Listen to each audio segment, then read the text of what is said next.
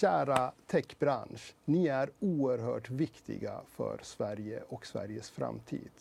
Ni är en del av Sveriges basindustri. Jag, regeringen, räknar med er framgång för att vi tillsammans ska vara framgångsrika.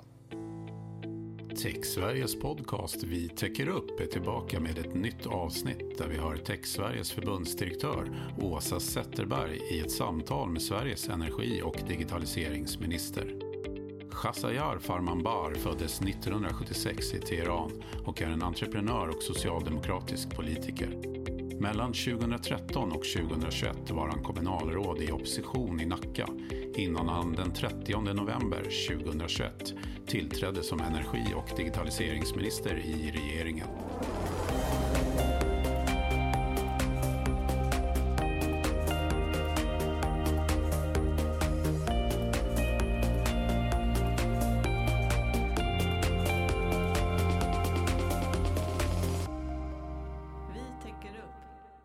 Allesammans och varmt välkomna till Vi täcker upp-podden. Idag har vi en väldigt speciell gäst med oss. Det är nämligen energi och digitaliseringsminister Khashayar Farmanbar.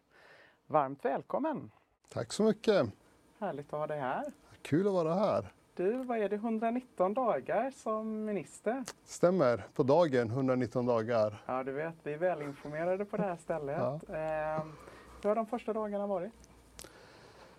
Intensiva. Jag vet att när, eh, när Magdalena Andersson ringde så sa hon att ja, vi gick igenom frågorna, det var digitaliseringsfrågorna, det var energifrågorna och hon sa så här, men du vet att det kan bli viss diskussion kring energifrågorna? Så, ja, det, så viss diskussion var jag väl beredd på, men kvällen innan eh, hon läste upp regeringsförklaringen och presenterade ministrarna, då kom det en nyhetsflash om, om, eh, om högsta elpriserna i Europa på mannaminne och i framförallt södra Sverige. Och då kände jag så här bara, den här stormen, mm. det här kommer att slå mot mig från imorgon. Och det, man kan säga att det har fortsatt på det spåret, det har varit intensivt. Men som entreprenör så älskar jag ju tempo. Så mm. på det sättet så har det varit eh, fantastiskt eh, att, att kunna få verka så snabbt. Mm. Och det, det, vi ser ju det också såklart. Alltså, du är ju här på Tech Sverige, mm. Sveriges största bransch, arbetsgivarorganisation för IT, telekom och techföretag. Eh, och det är klart att vi, vi vill ju verkligen se en digitaliseringsminister också, att de mm. frågorna får sitt utrymme. Samtidigt, det har varit coronakris, vi har gått till krig, energifrågorna har varit högaktuella. Märker du också, kan du se det som att digitaliseringsfrågorna har fått stå tillbaka i det på det sättet? Eller? Ja, jag trodde ärligt talat att jag med min bakgrund som techentreprenör skulle vara den här digitalisering eller techministern som, eh, som eh, får prata om tech och digitaliseringens framtid och möjligheter för samhället och sådär. Men eh, jag tror många har märkt att den mediala bilden har ju dominerats för min del av energifrågorna.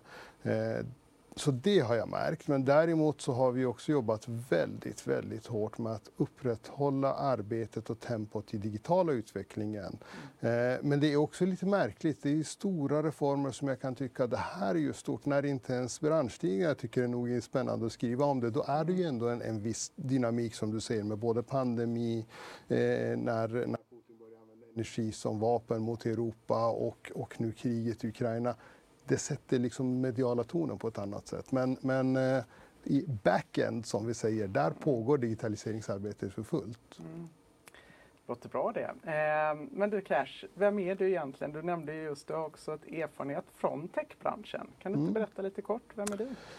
Ja, jag har, min bakgrund, yrkesbakgrund är egentligen som IT-entreprenör. Mm. Eh, och jag brukar säga att jag är inte före detta entreprenör, för entreprenörskap är ett eh, state of mind, det är en livsinställning och det, det är sån jag är. Eh, men jag har också en, bakgrund, en akademisk bakgrund som en examen i data, data eh, som dataingenjör och också inom eh, industriell ekonomi. Jag har jobbat som, eh, som tech-entreprenör, också varit kommunalråd i opposition så att jag har liksom samlat på mig de här erfarenheterna av att kunna, kunna teknikbranschen och så, men också, men också då politiken på lokal nivå. Men jag har också tjänstgjort under många år, sju år tror jag blev det totalt, i Sveriges kommuner och regioners digitaliseringsberedning, vilket eh, varit en, det var en fantastisk resa där man verkligen kunde kombinera digitala och teknikintresset och den här teknikoptimismen med politikens möjligheter. Mm. Och nu verkligen, nu är ju den möjligheten on steroids så att säga. Precis. Um, och du har fått ta del av vår rapport, eh, mm. Tech Sveriges nya basindustri, där mm. vi just visar på också techbranschens bidrag. 2020 var det 281 miljarder som techbranschen gav tillbaka till BNP. Mm. Nästintill lika mycket som det sammanlagda värdet av de traditionella basindustrierna mm. och också en jobbskapande eh, bransch, dessutom en viktig för exportnäringen på olika sätt och vis. Eh, jag tror att du har läst rapporten mm. och tagit del av det. Har du någon kommentar eh, på det hela? Jag tror det är väldigt bra att ni presenterar den här rapporten och också gör, gör eh, medvetandegör många om det. För jag tror att det är alldeles för många där ute som fortfarande tror att Sveriges exportindustri är baserad på, på traditionella industrin. Och så är det. Den traditionella industrin med den nyindustrialisering och den gröna våg som de genomgår är oerhört viktig för Sverige. Men techbranschen, allt ifrån eh, spelindustrin till, eh, till lösningar, till applösningar och till, till serverlösningar och annat, mycket annat som finns också inom tech, är ju verkligen som ni säger idag en etablerad del av basindustrin.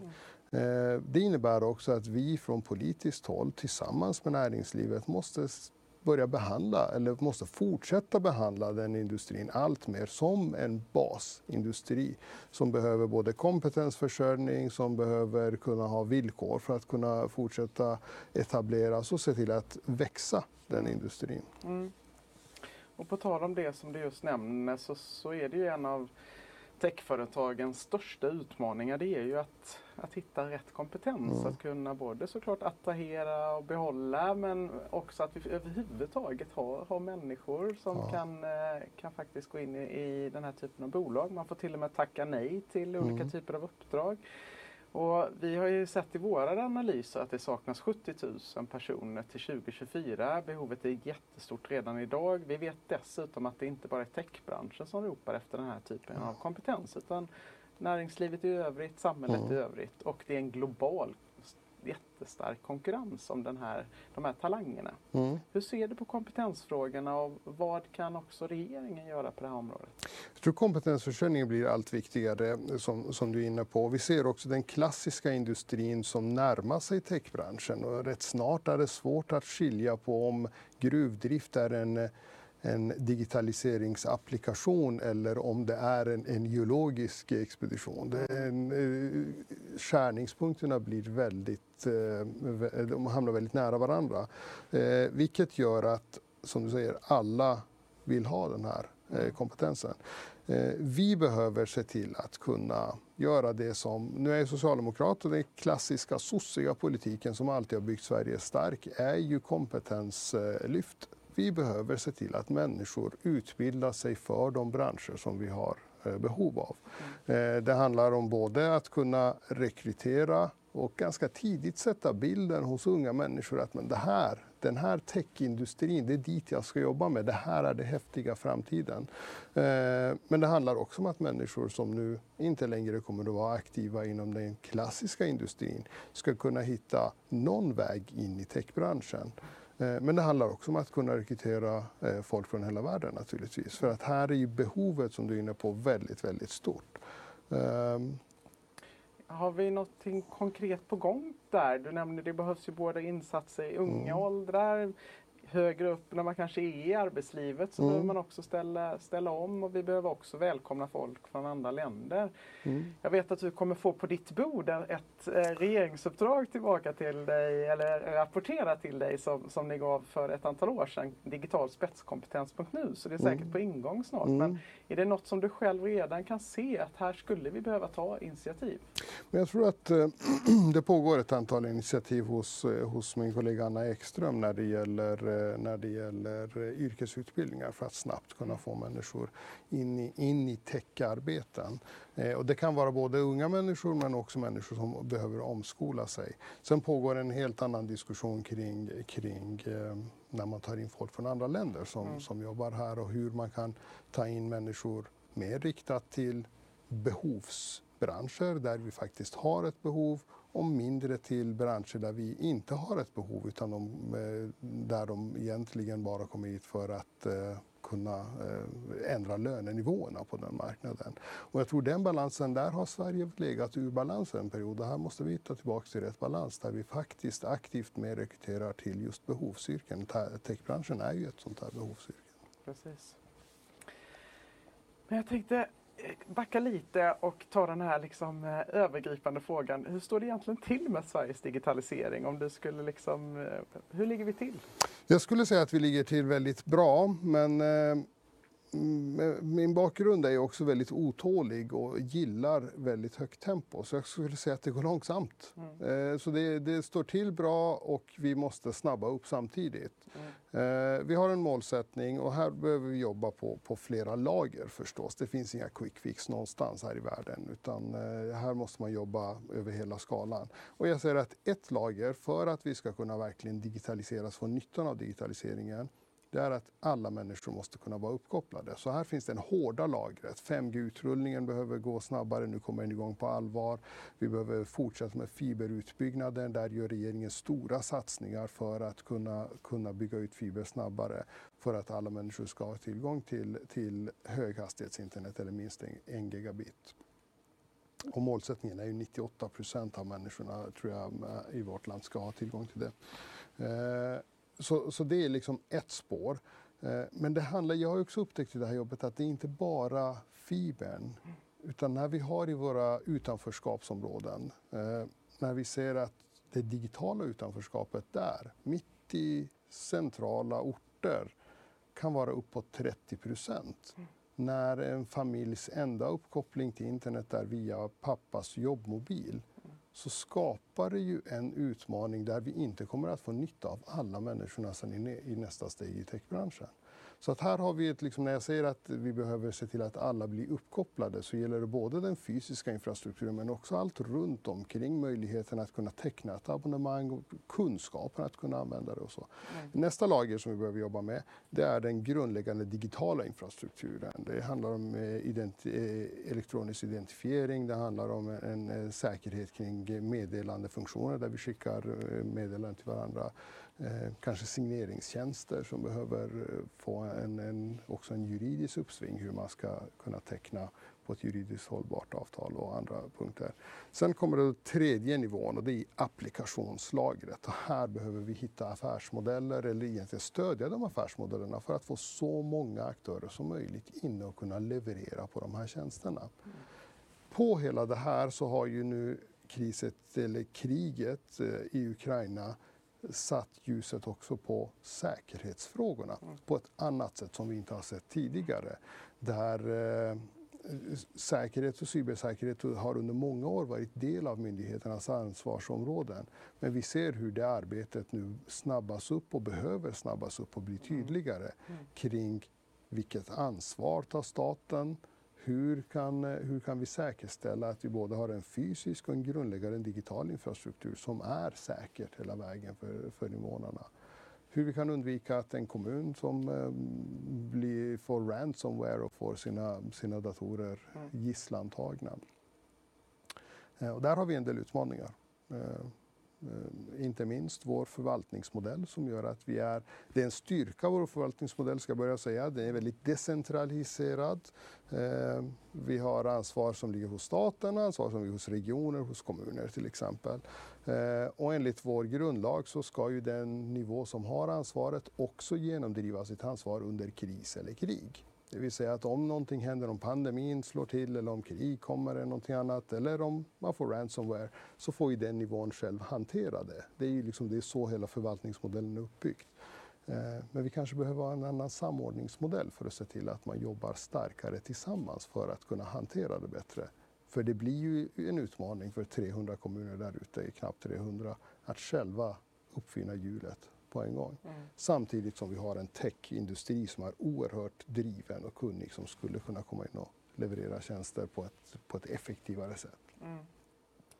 För hur ser du på det just samspelet offentlig-privat? Eh, mm. Det finns ju röster som har sagt det, det du just signalerar nu att Å ena sidan behöver staten ta större mm. ansvar, mm. inte minst för de här grundläggande förutsättningarna om det så gäller att människor ska kunna koppla upp sig över hela mm. landet, mm. lagar och regler ska funka med den värld vi lever i idag och så vidare och data ska utbytas på ett säkert och bra sätt. Eh, och samtidigt så vill vi se ett samspel, det som har varit svenska framgången, mm. kanske varför vi ligger mm. får man nog säga, eller inte så mycket kanske, utan anledningen till att Sverige ändå är relativt ledande fortfarande mm. är ju att vi har haft en väldigt stark techindustri och mm. varit tidigt ute, innoverat och hittat ett samspel mellan det offentliga och privata. Mm. Hur ser du på det och vägen framåt för oss? Men jag tror att man måste hitta rätt nivå på vid varje lager så att mm. säga. Uh, där är det viktigt att staten eller det offentliga ska kunna säkerställa sig kring ett antal grundläggande funktioner. Att de fungerar och att medborgarna ska kunna lita på att här, är, här har staten koll mm. på, på det som sker. Och jag hävdar att vi har det, men här behöver vi ta nästa steg. Men, men som jag var inne på så behöver vi liksom jobba mer med, med, med eh, Eh, affärsmodellerna och med möjligheten att jobba tillsammans. Särskilt när det kommer till applikationsnivån. När, när slutkunden eller medborgaren jobbar eller när den som går till vården ska använda en app för att kunna kontakta vården. Där finns det jättemånga duktiga leverantörer. Nu tog jag bara några få exempel, mm. men det finns mm. jättemånga duktiga leverantörer som skulle kunna komma in och leverera tjänster. Mm. Såvida det sker inom ett ramverk som är säkrat av offentligheten ett interoperabilitetsstandard som mm. drivs och eller ägs kanske internationellt men som är, som är ratifierat av staten som, mm. som man kan använda.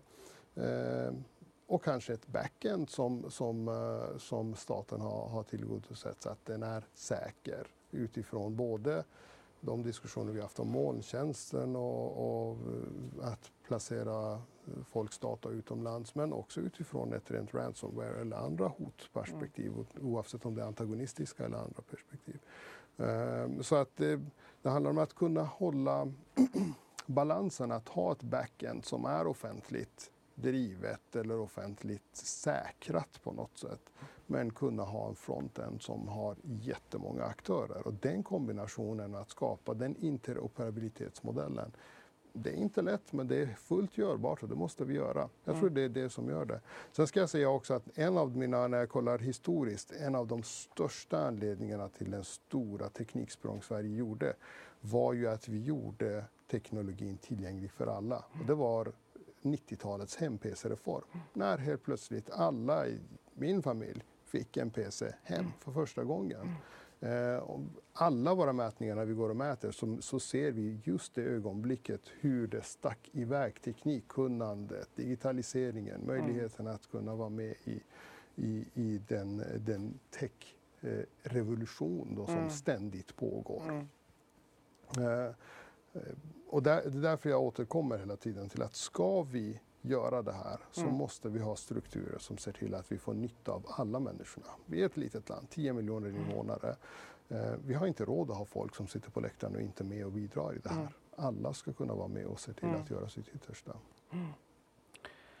Ja, på tal om det så har ju också vi från Tech Sverige tagit fram ett förslag som vi kallar TechCheck, vår tids PC-reform. Om, om 90-talet var tekniken i var mans och kvinnas hand så är kanske kompetensen och mognaden, förmågan och att växa över tid med det som krävs för det jobb du har idag eller det kommande jobbet en Mm. viktig injektion till människor. Eh, så den kan vi gärna prata mer om också. Men jag, en annan del som jag ändå vill ehm, eh, fråga dig om också. Vi ser att andra länder har haft lite högre ambitioner. Coronakrisen kan man nog säga också har hjälpt andra länder att komma lite längre, lite snabbare. Vi hade en ganska hög nivå redan innan coronakrisen, även om vi har, det har hänt väldigt mycket. Vi har eh, flyttat över i, till mer digitala tjänster och använt dem i st- större utsträckning. Vi har haft en bransch som har levererat, näten har hållit Verkligen. och allt det där. Vi, vi ska vara superstolta och glada över att vi ändå hade kommit så långt innan krisen och att branschen har levererat och även att det offentliga har tagit hjälp av det på det sättet. Men andra länder springer snabbt. Eh, Många andra, skulle jag säga också, regeringar har hö- höga ambitioner. Mm. Och vi ser att också techbranscher i andra länder accelererar väldigt mycket i sin utveckling. Mm. Eh, Sverige har det är avgörande för konkurrenskraften, inte bara för techbranschens konkurrenskraft allt. utan för hela näringslivet, att vi ligger i världsklass. Mm. EU-nivån räcker inte att jämföra sig med utan vi behöver jämföra oss globalt. Och det är det som gör svensk industri i övrigt, det som vi gör i andra eh, näringsgrenarna så internationellt konkurrenskraftiga så vi kan fortsätta ha en stark Mm. export. Det bygger Sverige starkt. Hur ser du på andra länders ambitioner och att de springer på snabbt och vad är det vi behöver göra för att höja ambitionsnivåerna?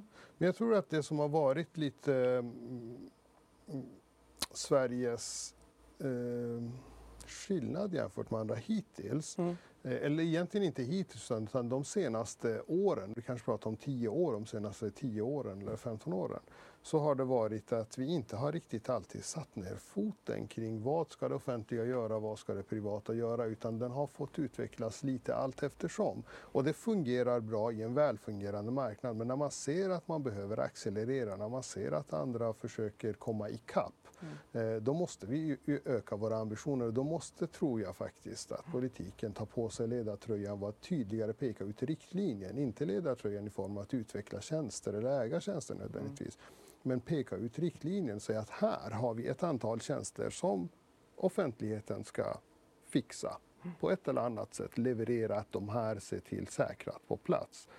Det blir förutsättningen för alla andra att komma in och göra affärer och se till att det här finns på plats. Det är en del av det hela. Kompetensförsörjning har vi varit inne på. Det är en, en stor del och där kommer vi att behöva tävla med andra. Men jag måste säga, jag, jag har ju fördelen att ha, ha studerat i åtminstone två länder. Jag växte upp i Iran som barn och, och gick i den skolan som på många sätt är den drömmen för den här nidbilden av, av eh, skola med extrem hög disciplin, alltid bra betyg i matte eh, och, och liksom sådär, de flesta eleverna och så. Men inte så mycket kreativitet. Medan samtidigt så har jag också läst i den svenska skolan då som, som ibland beskrivs som nidbilden av flumskola. Men där faktiskt genererar människor som är kreativa. Det är här vi skapar Skype, det är här vi har skapat Spotify, det är här vi skapat Klarna och andra tjänster. Eh, Så att det är en, eh, måste säga att vårt utbildningssystem är riggat för att sna- springa snabbare än andra och vi ska se till att få full effekt av det. För det. Du lyssnar på Vi täcker upp-podden där Tech-Sveriges förbundsdirektör Åsa Zetterberg samtalar med Sveriges energi och digitaliseringsminister Shahryar Farmanbar. Vi täcker upp. Du säger ju klokt att vi behöver höja ambitionerna och vi vill Mm. gärna se att po- politiken hjälper till att höja ambitionerna. Vi vet att det finns många entreprenörer, företag och annat som har höga ambitioner också. Vad kan vi göra för att hjälpa dig? Vad kan vi som bransch göra för att hjälpa dig och hjälpa regeringen att också höja ambitionsnivån? För vi behöver ju Mm. lägga in en extra växel. Men jag tror en del är, nu har vi sagt kompetensförsörjning väldigt mycket, men jag tror att vi tillsammans behöver göra det övertydligt för alla unga människor att det här är framtidsyrken. Sök de här utbildningarna. Eh, Vi ska se till från politikens sida att de utbildningarna finns, att man har möjlighet att söka dem, att det finns finansiering kring det, att alla har råd att plugga till dem och så. Eh, Och vi ska tillsammans se till att fler söker dem. Det är en del av det hela. Den andra är precis de konkreta, bra, kon- kloka tips och förslag som ni kommer med kring hur vi kan göra kring att höja ambitionsnivån. Eh, den tredje tror jag att eh, vi måste jag har nämnt interoperabilitet några gånger och Mm. interoperabilitetsstandarder är ju en av de frågor jag har verkligen brunnit för ända sedan jag var företagare. För där såg jag också hur, hur interoperabilitetsstandarder blir möjligheter för även små företag att komma in och göra stora affärer Mm. eh, och ta med sig innovativa lösningar. Här behöver vi hitta eh, tillsammans lösningar som fungerar. Men eh, det är kanske inte så att om svenska staten tar fram en egen standard att det är vägen framåt nödvändigtvis. Mm. För att de här standarderna måste kunna locka en internationell marknad, Mm. produkter från hela, hela världen. Eh, vilket gör att eh, vi behöver jobba hårdare med, med, med de bitarna. Eh, Så jag skulle säga kompetensförsörjning är en del. Eh, Standarder och interoperabilitet är en del. Och sen så är det då den här delen med med, med, med konkreta tips på, det kan vara regelverk. Vi har Mm. precis gett ett uppdrag om att, om att röja juridiska hinder för, för digitaliseringen till exempel. Eh, Så just regelverksförändringen. Sen tror jag vi har, om jag ska ge en bonustips, vi har ett filosofiskt arbete att göra. Mm. Vi lever i en allt mer digitaliserad värld. Vad kommer vi att kunna se va- vara personlig integritet i framtiden? Är det verkligen samma sak som vi har sett de tidigare hundra åren? Mm. I en värld som domineras av, av sociala medier där vår kommunikation sker på ett öppet sätt. Mm. Eller är det så att vi kan hitta en nivå och säga att en hel del information om mig är att betrakta som den typen av information som jag kan skriva på ett vykort och skicka iväg. Mm. Den förtjänar inte den här trygga eller den extremt höga säkerhetsnivån. En del av det kanske krävs att man, om man skickar det via, via internet så ska det vara krypterat. Mm. Och så kan det finnas en liten, liten dutt någonstans som är så pass eh, känslig hos, hos för ett antal människor som inte ska skickas utanför landets gränser på något sätt Mm. eller, eller kanske inte ens ska finnas i något molntjänst. Mm. Men det där är ju, det låter väldigt techy, det låter väldigt IT-aktigt men den är egentligen en filosofisk fråga. Vad om, om oss är egentligen personlig integritet? För om vi ska bara kopiera det vi har gjort Mm. rakt av in i den här branschen så kommer det inte att fungera. Då kommer vi att hindra innovation i den här branschen och vi kommer nog inte heller få det skydd vi vill ha. Nej. Och du är inne på något viktigt där, för det är klart att det är ganska mycket av det som vi har sett de senaste åren eller årtiondena där faktiskt spelplanen för samhällsliv, vardagsliv, privatliv, arbetsliv har förändrats i grunden givet att vi idag lever i en digitalt uppkopplad värld. Ja. Det är klart att med det följer värderingsförflyttningar, säkert som du är inne på, mer av filosofiska aspekter av det och eh, egentligen so so sociala förhållningsregler. Och det, vi är en stor och stark förändring och det finns väl skäl till att återvända till kanske de mjukare frågorna emellanåt Mm. också. Och den filosofin Ja. måste ju sen bli lagstiftning. Det är Mm, det som är liksom för att vi ska, vi ska kunna ta oss framåt. Precis så. Ehm, du, eh, en annan viktig fråga för vår tid och där vi ser att digitaliseringen och tech har en viktig roll att spela rör ju klimatfrågan, klimatutmaningen. Klimatomställningen förutsätter egentligen en digital omställning och det är i mötet mellan dessa två som vi kanske har en Mm. chans att också nå upp till de globala målen. Eh, hur ser du på det här och hur, hur Mm. kan vi bidra ytterligare och vad, vad behövs framåt? Ja, jag skulle vilja ta ett steg tillbaka där Mm. och, säga, och kolla på klimatmålen. För ibland så nämner vi dem utan att ens tänka efter varför vi har dem. Eh, för eh, vi ska vara rädda om vår planet brukar vi säga och jag ska vara ärlig säga jag tror vår planet kommer att överleva oavsett. Det kommer att göra.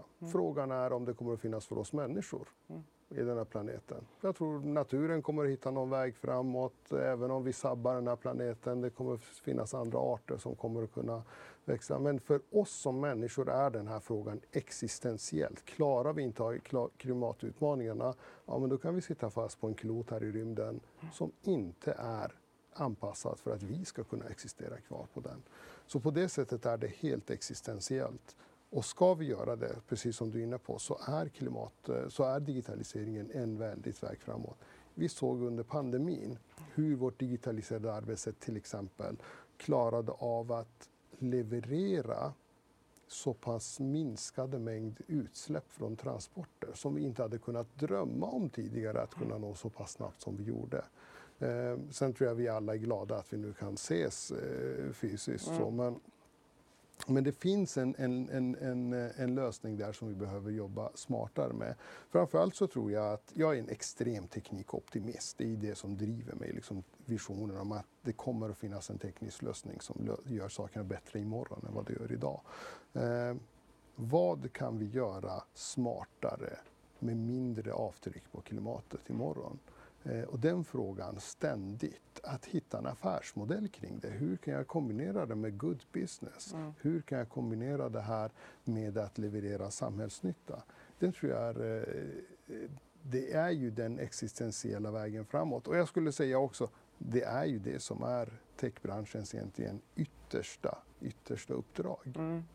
Och det är en väldigt prioriterad fråga vet vi bland många av våra medlemsföretag också. Jag vet också att i Finland har man tagit fram mycket mer av en agenda för att mm. se hur kan vi hjälpa stötta klimatomställningen med hjälp av ny teknologi. Mm. World Economic Forum har ju sagt att 70% av de globala målen kan nås genom att använda redan befintlig ja. teknik. så att säga. Vad, vad avser regeringen göra på det här området? Eh, jag får nog återkomma om, extra, om, om, exakta konkreta uppdrag, men jag uppfattar att vi har väldigt gott samarbete redan och jag, jag ser också att vi ser eh, den struktur som behöver vara på plats. Mm. Eh, som jag sa, för, för liksom vi politiken som någonstans representerar folket, we the people, mm. någonstans. Vi vill att de här lösningarna ska komma på plats och för att de ska göra det så ska staten se till att det finns en infrastruktur som är både connectivity i form av fiber, 5G och så vidare, som är eh, en befolkning som har know-how, mm. som har möjlighet att kunna använda det, men också att det finns grundläggande tjänster som man kan lita på som är, som är eh, robusta och säkra i form av e-identitet, eh, säkra meddelanden eller kommunikationer och så. Så att vi ser från politikens sida har ett ansvar att se till att grundinfrastrukturen är på plats mm. och samtidigt erbjuda en marknadsmodell ovanpå det för alla att kunna komma och leverera sina tjänster. Eh, den kombinationen tror jag är, är den snabbaste vägen mm. framåt. En viktig aspekt är det också som man ofta efterfrågar är också tillgången till data, mm. särskilt mm. den datan som rör Exakt. för att skapa smartare städer, transport rapporter ja, och sen mm. hitta de modellerna för artificiell intelligens eller, och så vidare som också kan hjälpa oss att, att nå målet och så vidare. Eh, och med tanke på det så tar jag ett annat område där jag ser och vi ser stor potential både för att eh, hjälpa till på riktigt för människors mm. liv och vardag. Det är ju inom hela health tech och life science området där vi, eh, vi kan se redan idag Sverige har en stark mm. position, stark möjlighet, vi är ett välfärdsland. Det finns stor potential till export på det här området skulle man mm. kunna se. Likväl som det som vi pratade om just innan rörande klimatfrågan och de lösningarna. Hur kan vi, eh, hur kan vi förbättra välfärdens digitalisering? Du var inne på det lite tidigare mm. och hur kan vi stärka den delen av branschen som rör health tech? Jag tror att du är inne på en, en, en väldigt viktig aspekt där, just data. Och jag liksom touchade lite grann dataspåret med, med den filosofiska diskussionen mm. om, om vad är data som vi kan dela med oss på ett bra sätt och inte. Jag, jag, min bild är att det är oerhört mycket mer än vad vi gör idag som egentligen vi borde kunna dela med oss eh, på ett eller annat sätt, avpersonifierat eller, mm. eller på ett säkert sätt. Uh, här finns det ett Data Open Data Directive som vi håller på att implementera för fullt. Mm. Att vi ska utöka mängden data som offentligheten lämnar ifrån sig för andra att kunna leverera bra lösningar. Om det är att utveckla och träna upp AI-system eller om det är för att bygga tjänster på. Uh, så här finns det ett väldigt stort spår. Vi är historiskt ett starkt registerland. Mm. Jag menar, det är så mycket data som vi har lagrat i register eh, om allt möjligt i det här landet. Det är ju imponerande. Eh, Samtidigt har vi en förvaltningsmodell som är på, på hälsosidan. Det är inte att sticka under stolen med att det har varit problematiskt, vår förvaltningsmodell, där varje region gör olika. En del regioner har dessutom underleverantörer med, med till exempel privata anordnare som är inne där, som inte har ett skallkrav på sig att leverera enligt någon standard eller ha sitt eget datasystem. Så kan vi inte ha det. Det är alldeles för rörigt och stökigt. Här måste man från offentligheten och från egentligen statens sida ta ett ansvar och också utkräva ett sådant ansvar från regioner och från alla bolag som är inne. Att det finns ett standardiserat sätt att leverera datat på för att vi ska kunna ha nytta av det datat i nästa steg. Eh, Så här finns det, kring dataspåret finns det väldigt, väldigt mycket att Och göra. vi har ju pratat om det länge i det här landet och vi Ja. ligger ju ganska mycket efter när det gäller Ja. i rankingar vad gäller öppna data. Jag instämmer i att vi är väl den nation nästan till i världen som har så mycket data givet Mm. att vi var ganska tidigt ute i att eh, digitalisera våra verksamheter på olika sätt och vis. Men, men vi har inte kanske kommit till nyttiggörandet i så stor utsträckning som man skulle önska. Och jag tycker det var intressant det du sa tidigare också, den här mer filosofiska diskussionen. För att det känns lite som att vi emellanåt landar i väldigt regelspecifika frågor i små öar här och var. Mm. När mycket av det vi har potential att göra är ju att rädda liv eller klimatet eller eh, skattepengarna ska funka mycket bättre eller de Mm. smartaste av lösningar ska kunna inbringa nya exportlösningar och världssuccéer och så Mm. vidare. Behöver vi få till en, du var inne på det innan, en annan typ av diskussion kopplat till det här? För att det känns som att vi absolut. löser det enligt den gamla modellen av att Mm. titta på varje sak för sig. Men jag tror det är två spår. Mm. Det ena är den här, om vi skulle tillgängliggöra all medicinsk data vi har med eh, min medicinska data, din kopplat till, till familjens data, all hälsodata. Om vi skulle tillgängliggöra det, låta alla forskningsgrupper utan att behöva ta hänsyn till personlig integritet eller någonting, bara forska på det här. Ja, då är jag övertygad om att vi skulle hitta lösningar på stora sjukdomar som cancer eller annat mycket fortare. För där är det inte bara de stora jättarna som kan sätta upp egna testgrupper utan alla skulle kunna komma in och datamängden skulle öka. Eh, Så det är liksom ett spår. Då behöver vi jobba med vad, vad kan vi lämna ut utan att göra avkall på personlig integritet eller liksom vår personlighet. Så det är liksom ett, ett spår och det, det spåret tror jag att vi behöver verkligen driva på. Mm. Det andra spåret är mer regulativt. Ska man kunna bedriva en region eller upphandla eller ha en, ett, en, en, en läkarmottagning eller något som kommer att leverera tjänster i Sverige som helt sonika har ett helt annat system som överhuvudtaget inte fungerar. Som säger till kunden att ja, om du ska till, den, till patienten att om du ska lämna till någon annan, ja, då kan vi skriva ut det så kan du ta med dig din mapp till nästa. Ska det överhuvudtaget få förekomma i systemet? För det gör det idag. Idag är det ett stort problem att varje region gör på olika sätt och om vi nu tar bara det hälsoexemplet. Och en del regioner eh, inte överhuvudtaget ställer krav på, på bolag som är inne i systemet hur de ska hantera eller data. Och jag tror att vi behöver jobba ett på det regulativa systemet, se till att vi har faktiskt koll på datat och se till att vi ställer de kraven. Det andra är att vi ska också se hur, väga av hela tiden. Vilken skada skulle det här göra, avgörande skada för personen om det här datat blev känt jämfört med vilken samhällsnytta skulle det göra? Och hitta en nivå kring där vi kan vara trygga och säkra med, med vår personliga integritet men också väga det av mot det som de flesta av oss beter sig som på Facebook eller på en annan plattform när vi ändå delar väldigt mycket data. För det blir ju galet om vi delar väldigt mycket data av oss på det sättet. Men helt plötsligt så har vi en lagstiftning som säger att ja, vi får inte dela det här datat för att Mm. det blir problematiskt. Mm. Kritikerna till, eh, ibland till den stat som inte har tagit sitt ansvar, du var inne på det här med regioner och system, är att vi till viss del, det kanske inte är problemet att vi har en flora av många aktörer eller en marknad som funkar Mm. och att det finns olika typer av system. Men att vi inte har lyckats kanske och att staten, det du själv var inne på, behöver ta ett större samlat ansvar för att faktiskt säkerställa att vi kan överföra information Mm. och upp på det kan vi ha innovationer och lösningar och så vidare. Och det, det är väl lite på samma Men tema. absolut, men jag vill också säga att ansvar, för Ja. det, det, det har jag hört några gånger nu sen tidigare också, men i synnerhet i det här uppdraget, Mm. att staten ska ta mer ansvar. Där jag är absolut mer för mer ansvar. Mm. Men jag vill också förtydliga det att ansvar innebär inflytande och kontroll. Mm. Stat kommer inte att kunna ta ett ansvar om inte staten har inflytande och kontroll och säger att det är så här ni ska göra. Det är så här interoperabilitet ska ske. När vi har den möjligheten. Och idag finns inte den lagstiftningen riktigt där. Mm. Utan det här bygger på sam frivilliga samarbeten. Vilket gör att du kommer alltid ha några stycken som vägrar ställa upp frivilligt på det här. Eh, men, men eh, så jag menar, eh, man får nog också vara rättvis och säga att ja, det är lätt att kräva ansvar av någon annan. Men då måste man också vara beredd att lämna inflytande och kontroll till någon annan för att kunna utkräva det ansvaret. Mm.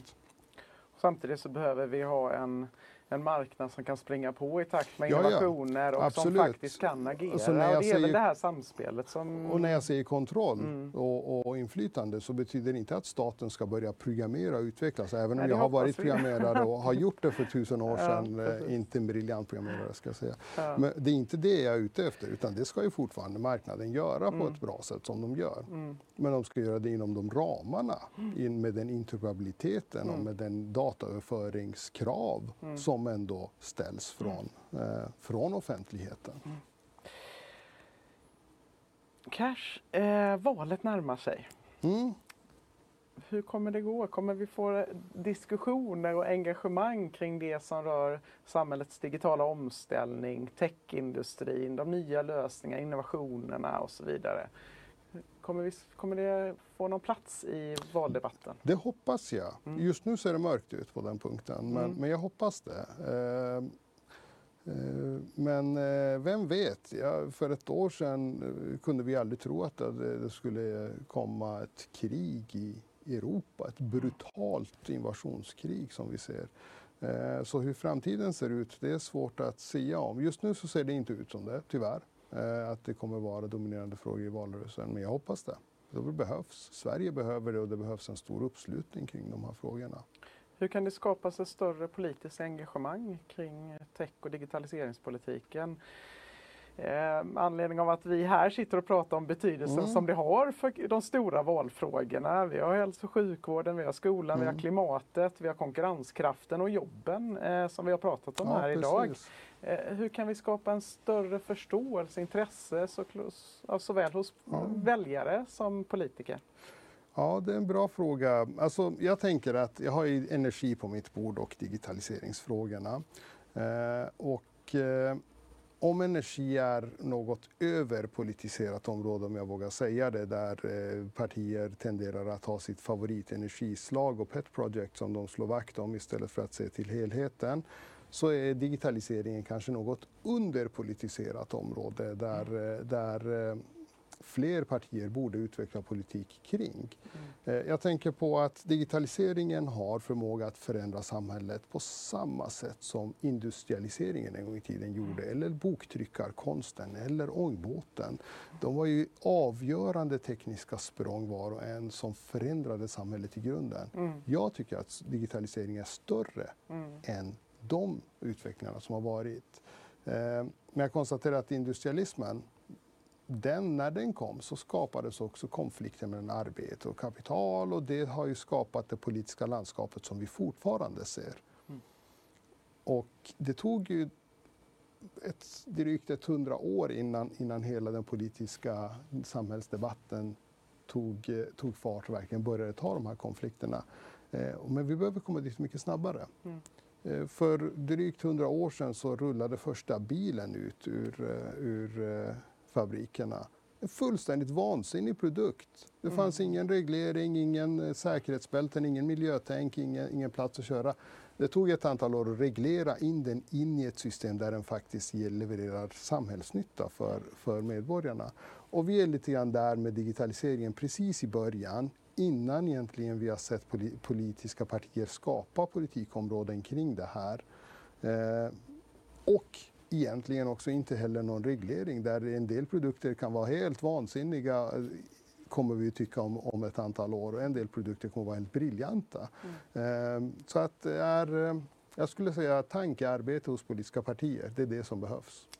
Vi ska försöka bidra med detta såklart eh, och kommer att återkomma med ett bra underlag för alla politiker som vi eh, förväntar oss att man också sätter sig in i och diskuterar som kan förhoppningsvis engagera framåt. För det är av stor betydelse för, som vi har varit inne på, på för Sveriges välstånd och konkurrenskraft och även klimatomställningen. Eh, har du några avslutande ord till den mest fantastiska av branscher, techbranschen som bidrar så starkt till Sverige, Mm. som har så mycket talanger och som står för mycket av jobben och där jobb, de nya jobben kommer? Allt det här fina entreprenörskapet som finns där ute. Vill du säga några avslutande ord till branschen? Ja, får jag det? Mm. Tal till branschen. Ja.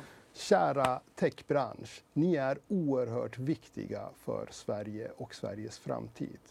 Ni är en del av Sveriges basindustri. Jag, regeringen, räknar med er framgång för att vi tillsammans ska vara framgångsrika. Vi måste ju klara av några saker tillsammans. Vi måste se till att fler människor jobbar inom techbranschen. Då måste vi tillsammans göra mer reklam och göra det mer attraktivt för fler människor att utbilda sig inom det här segmentet. Oavsett om det är ungdomar eller om det är folk som ska, som ska omskola sig till den här branschen. Vi från politiken ska se till att möjligheterna finns att utbilda sig. Vi tillsammans med er måste se till att det är fler som lockas till det. Det är en del, kompetensförsörjningen. Den andra delen, vi ska se till att alla människor har möjlighet att få tillgång till det här. Både den fysiska, om det är fiber eller connectivity via 5G eller någonting annat, men också kunskapen att kunna hantera allt ifrån sociala medier, desinformation och fake news till att kunna hantera en så pass trivial sak som en uppkoppling. Vi ska bryta det digitala utanförskapet tillsammans.